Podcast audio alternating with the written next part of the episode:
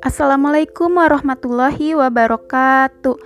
Selamat siang adik-adik dan selamat datang di podcast Del Story bersama saya Adela Rizky Nur Atikah. Pada siang ini kita akan membahas mengenai sumber energi dan kegunaannya. Setelah podcast ini, adik-adik diharapkan dapat mengetahui mengenai sumber energi dan kegunaannya. Selamat mendengarkan ya adik-adik. Simak terus podcast dari Kakak. Mengapa suling dapat berbunyi? Suling dapat berbunyi karena adanya getaran yang menghasilkan bunyi. Nah, sekarang apakah adik-adik tahu energi dan kegunaannya itu untuk apa?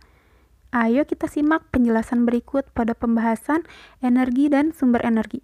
Pada pembahasan ini terdapat tiga pokok bahasan, yaitu yang pertama ada pengaruh energi, yang kedua ada e sumber energi dan kegunaannya, dan yang terakhir yaitu cara menghemat energi. Nah, pada pokok pembahasan yang pertama yaitu pengaruh energi, apakah adik-adik tahu apa itu energi? Ya, benar sekali. Energi adalah daya atau kekuatan Energi juga digunakan untuk melakukan kegiatan atau pekerjaan. Energi sangat besar pengaruhnya bagi manusia. Nah, apakah adik-adik tahu jenis-jenis energi? Ya, benar sekali, seperti energi panas, energi gerak, dan energi getar. Tahukah adik-adik kalau matahari menghasilkan apa? Ya, matahari menghasilkan energi panas. Matahari juga menghasilkan energi cahaya loh, yang membuat bumi dapat terang di siang hari. Matahari juga energi terbesar di dunia. Energi yang dihasilkan matahari tidak pernah habis loh adik-adik. Maka manfaatkanlah energi matahari dengan sebaik-baiknya ya. Apakah adik-adik pernah membantu ibu pada saat menjemur pakaian? Nah, pada saat menjemur pakaian itu menggunakan energi panas dari matahari juga loh. Hmm, atau adik-adik juga sering merasakan panasnya matahari ketika siang hari kan? Seperti pada saat adik-adik pulang dari sekolah Panas matahari terasa sangat menyengat pada tubuh adik-adik, yang membuat tubuh menjadi gerah. Pada energi panas juga dapat dilakukan percobaan di rumah loh adik-adik.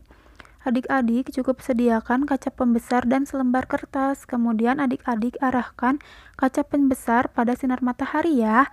Lalu simpan kertas di bawah kaca pembesar dan amati apa yang terjadi apakah kertas dapat terbakar atau tidak.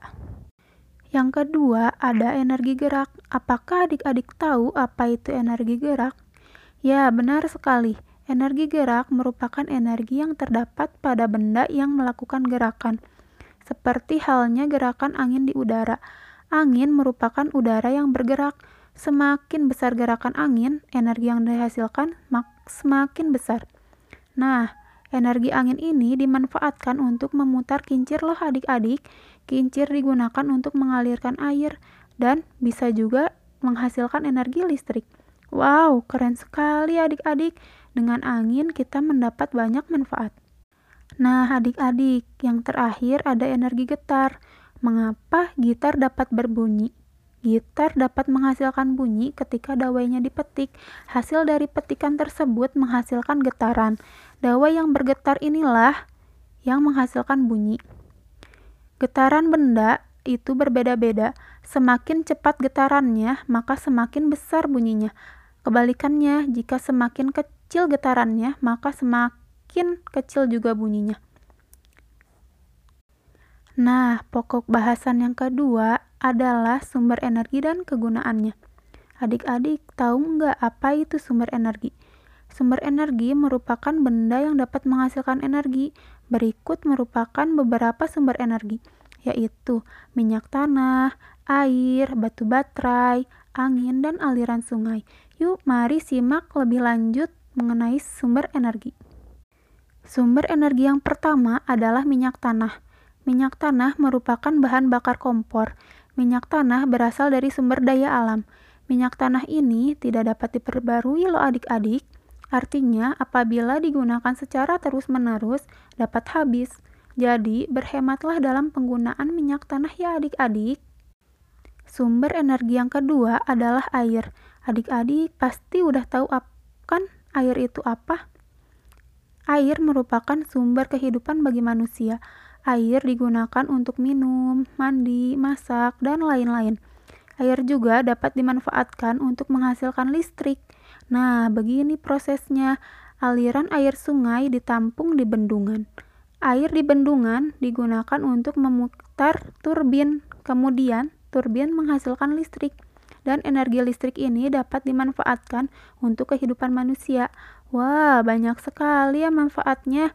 Jadi, adik-adik bijaklah dalam menggunakan air ya. Sumber energi yang ketiga adalah batu baterai. Batu baterai menggunakan bahan kimia. Kekuatan batu baterai sangatlah terbatas. Awal digunakannya, kekuatannya masih bagus. Setelah itu, kekuatannya semakin berkurang, kemudian habis. Ini terjadi karena energi yang ada pada batu baterai tersebut berkurang. Sumber energi yang keempat adalah angin. Angin banyak sekali manfaatnya Lo adik-adik, seperti halnya dapat digunakan untuk menggerakkan kincir, menerbangkan layang-layang, dan sebagainya.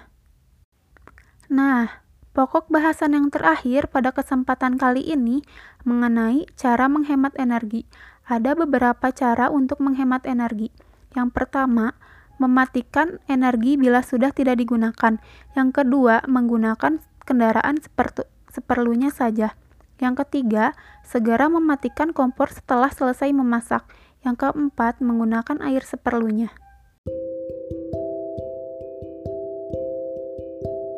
Demikian penjelasan singkat mengenai sumber energi dan kegunaannya. Semoga bermanfaat ya adik-adik. Sampai jumpa di episode berikutnya. Terima kasih. Wassalamualaikum warahmatullahi wabarakatuh.